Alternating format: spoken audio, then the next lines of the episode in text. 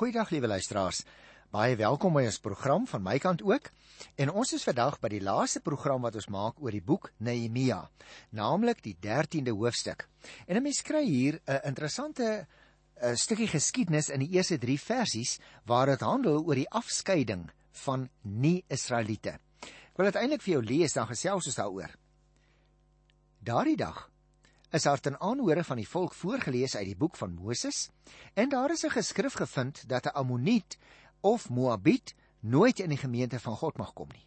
Dit was omdat hulle nie brood en water aan die Israeliete wou gee nie en vir Biliam destyds gehuur het om 'n vloek oor Israel uit te spreek.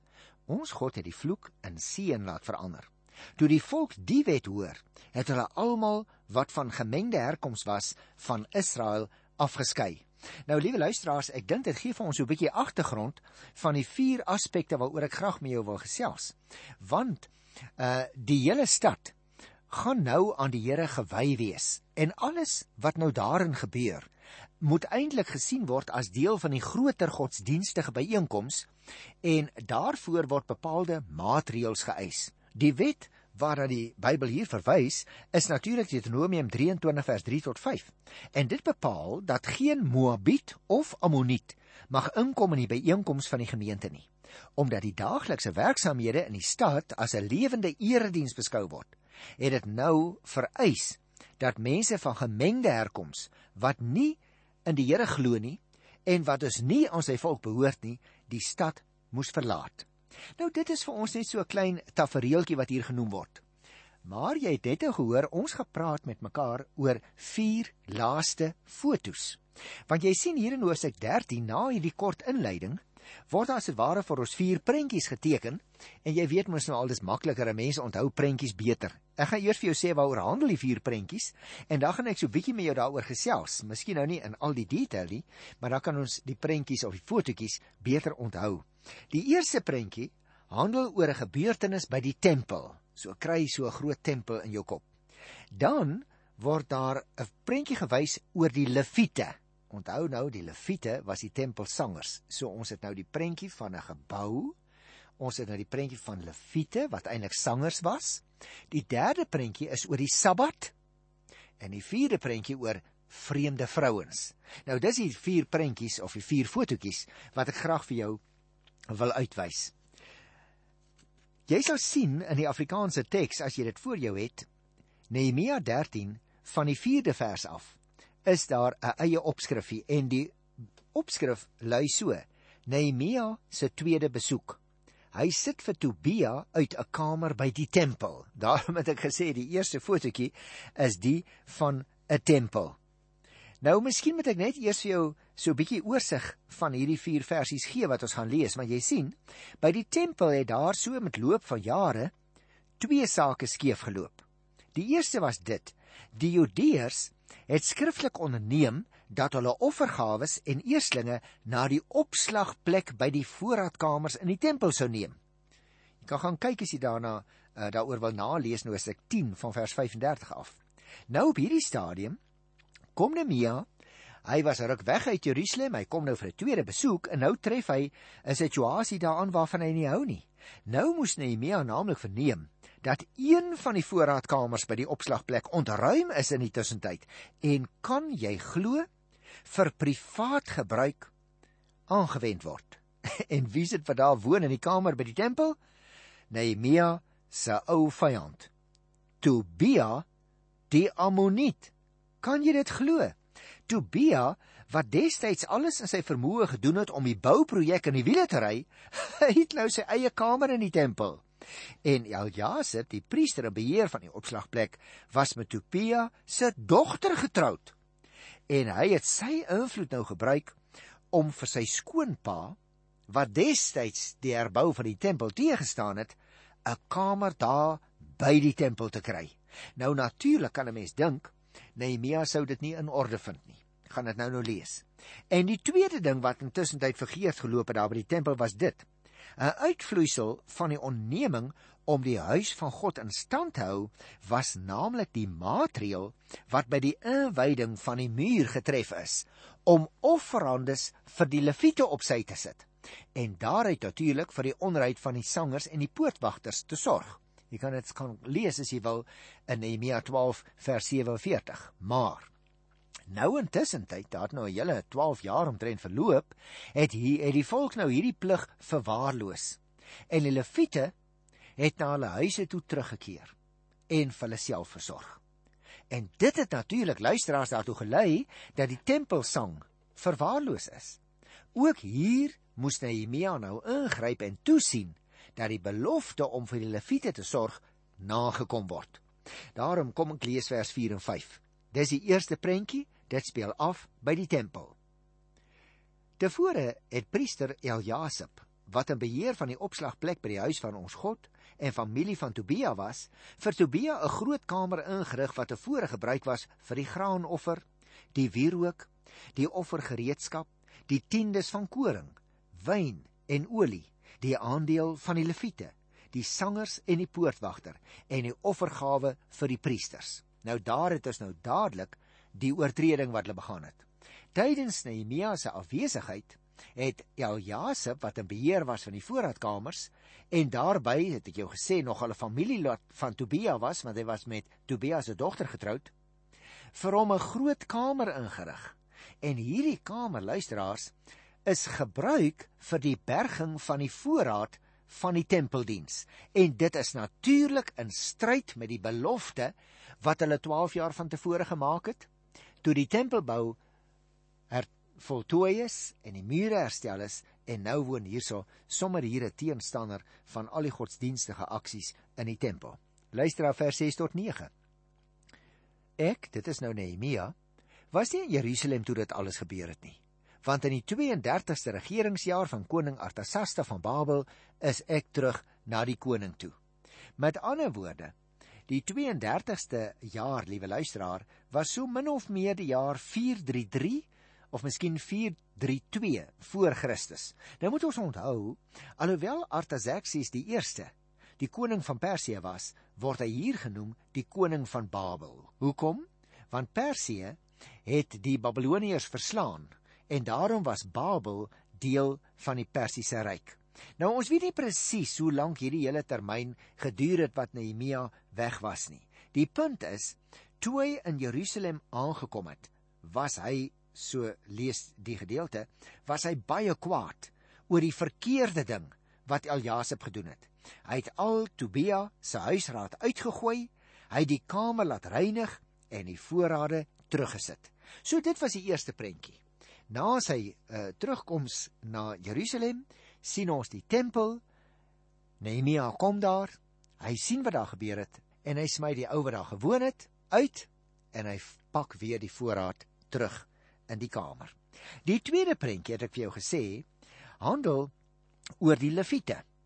Nou moet ons dadelik onthou luisteraars, die leviete het 'n bepaalde plig gehad in die tempel. Luister na vers Verder het ek uitgevind dat die leviete nie hulle aandeel aan onderhoud ontvang het nie en dat hulle en die sangers wat die dienswerk moes doen weg is, elkeen na sy eie grond toe.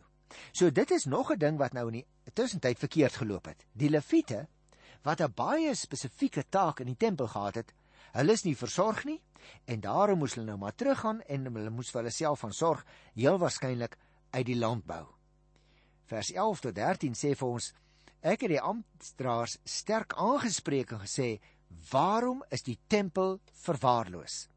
Daarna het ek die leviete weer bymekaar gemaak en in hulle poste teruggeplaas. Die hele Judea het daarna die tiendes gebring van koring en wyn en olie na die voorraadkamers toe. Nehemia tref dus in hierdie verse uh, bepaalde reëlings om weer ook nie net die leviete nie maar ook ander amptdraers te herstel sodat die tempel se dienswerk weer verrig kon word. Die 14de versie sê vir ons: Onthou tog wat ek gedoen het, my God. Hier sien ons weer die man van gebed in aksie. sien tog wat ek gedoen het, my God. Moet tog nie dat my liefdesdade wat ek vir die huis van my God en vir sy diens gedoen het, vergeet raak nie. Jy sien dus, liewe luisteraar, die leidende motief, met ander woorde die rede vir Nehemia se optrede is die eer van die Here. Daarom het hy in toneel nommer 1 die ou by die tempel uit die kamer uitgegooi wat nie daar gehoord het nie. En daarom in die tweede prentjie herstel hy weer die ampte. Die leviete kan dus weer die tempelwerk verrig waarvoor die Here hulle aangestel het. En so bid hy dan uiteindelik, Here, dit is nie terwille van my eie prestasie of roem dat ek dit wil doen nie. Ek is nie so goeie mens nie.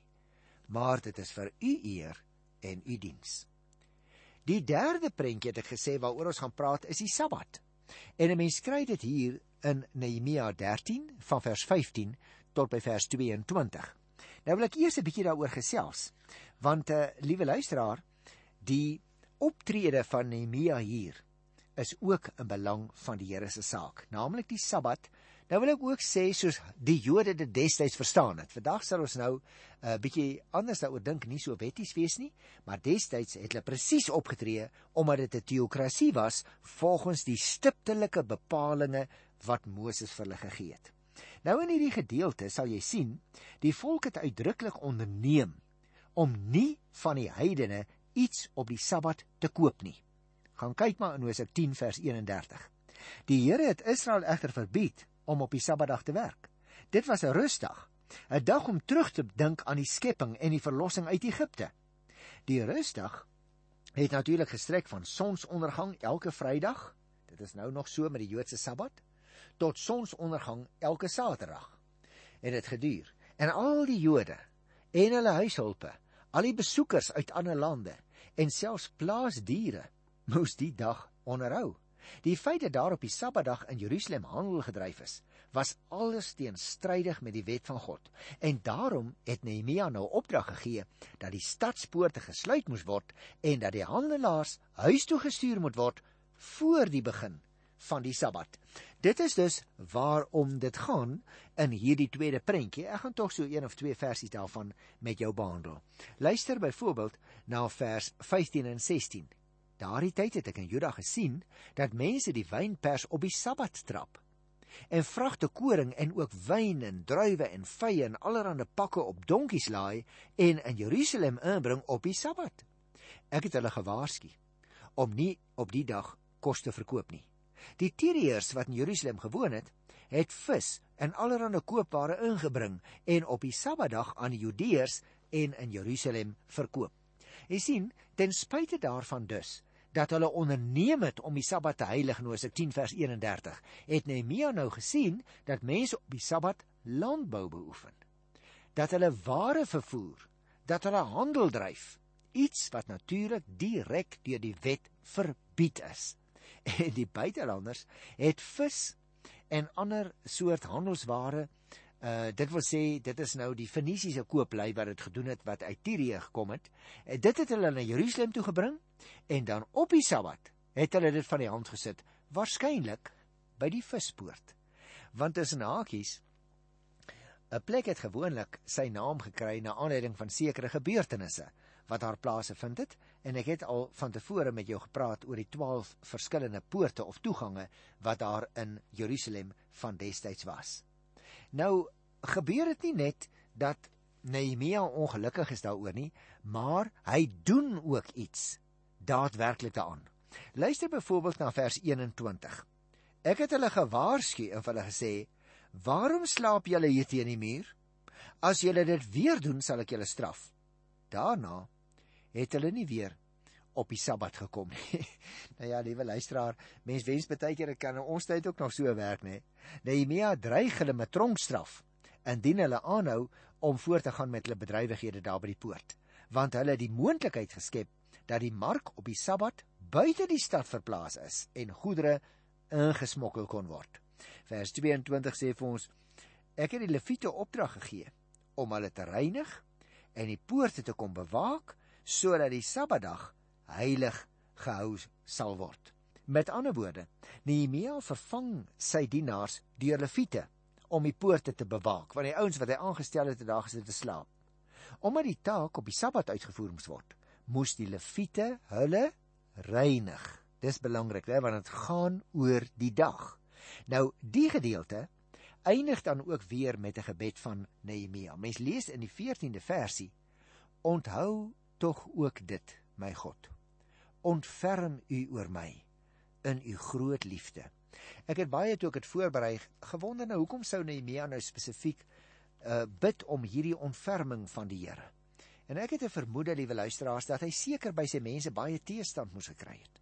Want hulle het nou oor die ongeveer 12 jaar wat hierdie dinge nou begin gebeur het, het hulle so gewoond geraak dat dit nie meer vir hulle verkeerd was nie. Hulle het alles op die rustig gedoen net wat hulle wou. En daarom as Nehemia nou 'n naam en in die krag van die Gees opgetree het vir die eer van die Here, dan verootmoedig hy hom voor God. En dan sê hy onthou tog ook dit, my God, ontferm u oor my in u groot liefde. So, die eerste prentjie het gehandel oor die tempel. Die tweede oor die leviete wat weer in diens gestel is. Die derde het gehandel oor die Sabbat wat ontheilig is en Nehemia het dus nou na sy uh, tweede koms hier na Jerusalem het hy die Sabbat weer probeer orden en sekere ouens wat sekere dinge gedoen het wat nie geoorloof was nie, dit het hy gestop. Dit bring my dan by die vierde prentjie. Ek het gesê ek gaan oor vier prentjies of toneeltjies met jou gesels. En dit strek hier van Nehemia die 13de hoofstuk af vanaf vers 23 tot aan die einde van die boekie by vers 31. En dit handel dan, het ek net nou al gesê oor vreemde vroue.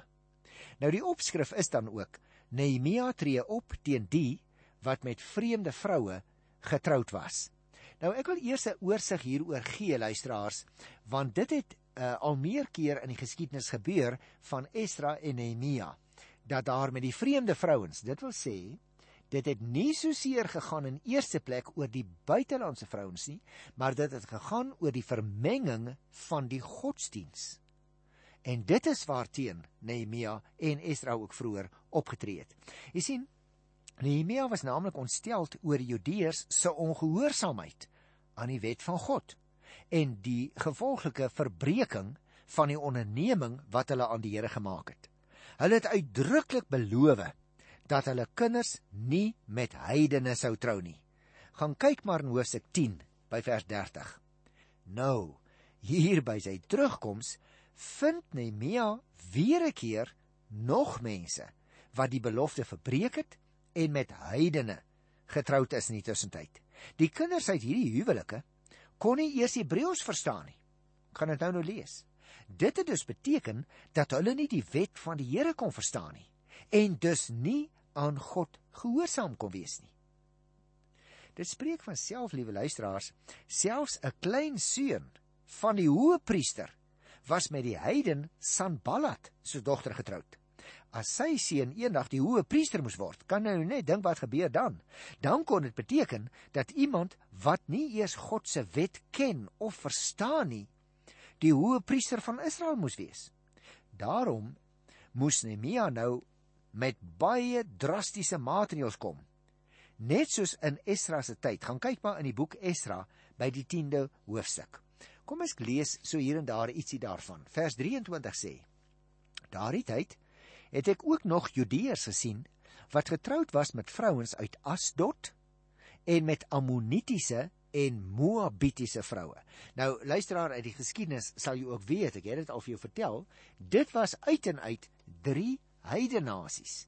Nou moet ons dadelik onthou, alhoewel Esdra teen die gebruik van gemengde huwelike opgetree het deur die skuldiges te verplig om die vreemde vrouens weg te stuur, gaan kyk maar daar in Esdra hoofstuk 9 en hoofstuk 10 En alhoewel Nehemia self ook die volk onder eed laat beloof het om nie met die heiden volke te ondertrou nie, Hosea 10:30, is hierdie wanpraktyk nie geheel en al uitgeroei nie.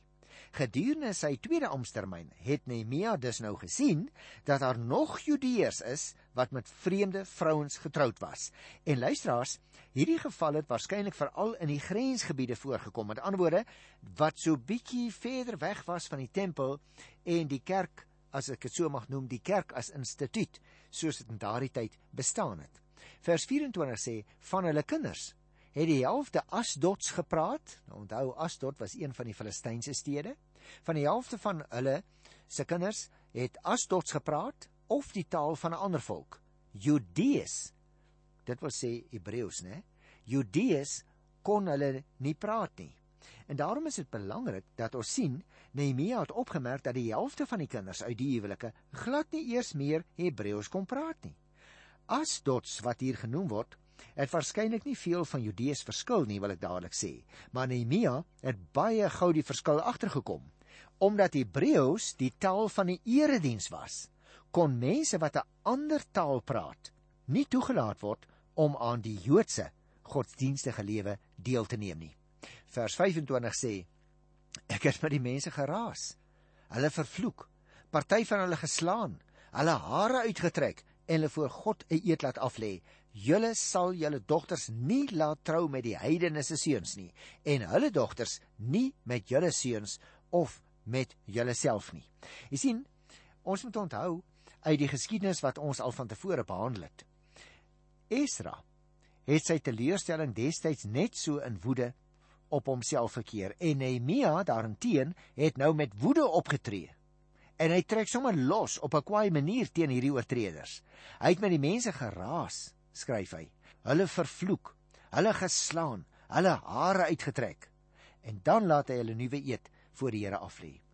Luister vers 26 en 27. Dit was tog hiermee dat koning Salomo van Israel gesondig het. Onder die groot nasies was daar nie 'n koning soos hy nie. Sy God het hom liefgehad en hom koning laat word oor hele Israel, maar vreemde vrouens het ook vir hom laat sondig. En nou moet ons hoor dat julle hierdie groot kwaad begaan het en ontrou aan ons God geword het en deur vreemde vrouens as vrouens vir julle geneem het. Hy hou dus aan hierdie mense die geskiedenis voor van destydse koning Salomo wat ook vreemde vrouens getrou het en dit is daardie vrouens wat hom laat sondig het. Gaan kyk maar as jy wil uh, nalees luisteraar in 1 Konings 11 van uh, die eerste vers af tot by vers 8. Kom ons lees nou vers 28. 'n Seun van Jojada, die seun van die hoë priester Eljasib, was die skoonseun van Sanballat die Goroniet. Ek het hom van my af weggejaag. Nou vir jou en vir my klink dit miskien baie streng optrede luisteraars, maar ons moet onthou een van die gevalle wat dan by name genoem word omdat dit nogal die hoë priesterlike familie geraak het, was 'n seun van Jojada, die seun van Eljasib die hoë priester. En hy was getroud met 'n dogter van Sanballat die Goroniet, die aardsvyand van Nehemia. En daarom sê Nehemia, hy skryf hier sommer baie eenvoudig kort en saaklik, ek het hom van my al weggejaag. En dit bring ons by die laaste 3 versies wat ek graag wil lees. Nehemia 13 vers 29 tot 31. Onthou hulle my God, Hulle die priesterskap en die plegtige onderneming van die priesters en die leviete besoedel.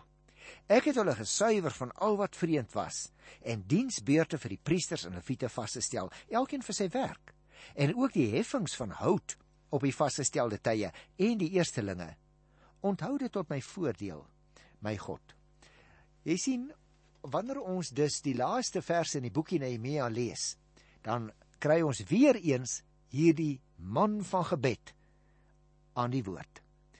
Nehemia roep naamlik die Here as getuie aan dat hy alles in sy vermoë gedoen het om die Judeërs by hulle onderneming teenoor God te hou.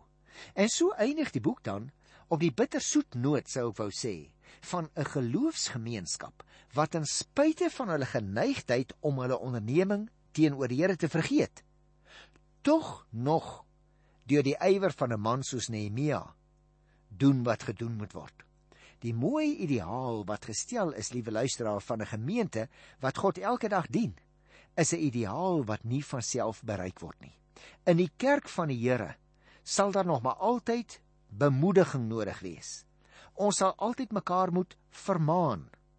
Ons sal partykeer by mekaar moet pleit en tog kom daar te midde van dit alles iets tereg van wat dit beteken om God te dien en hom te prys.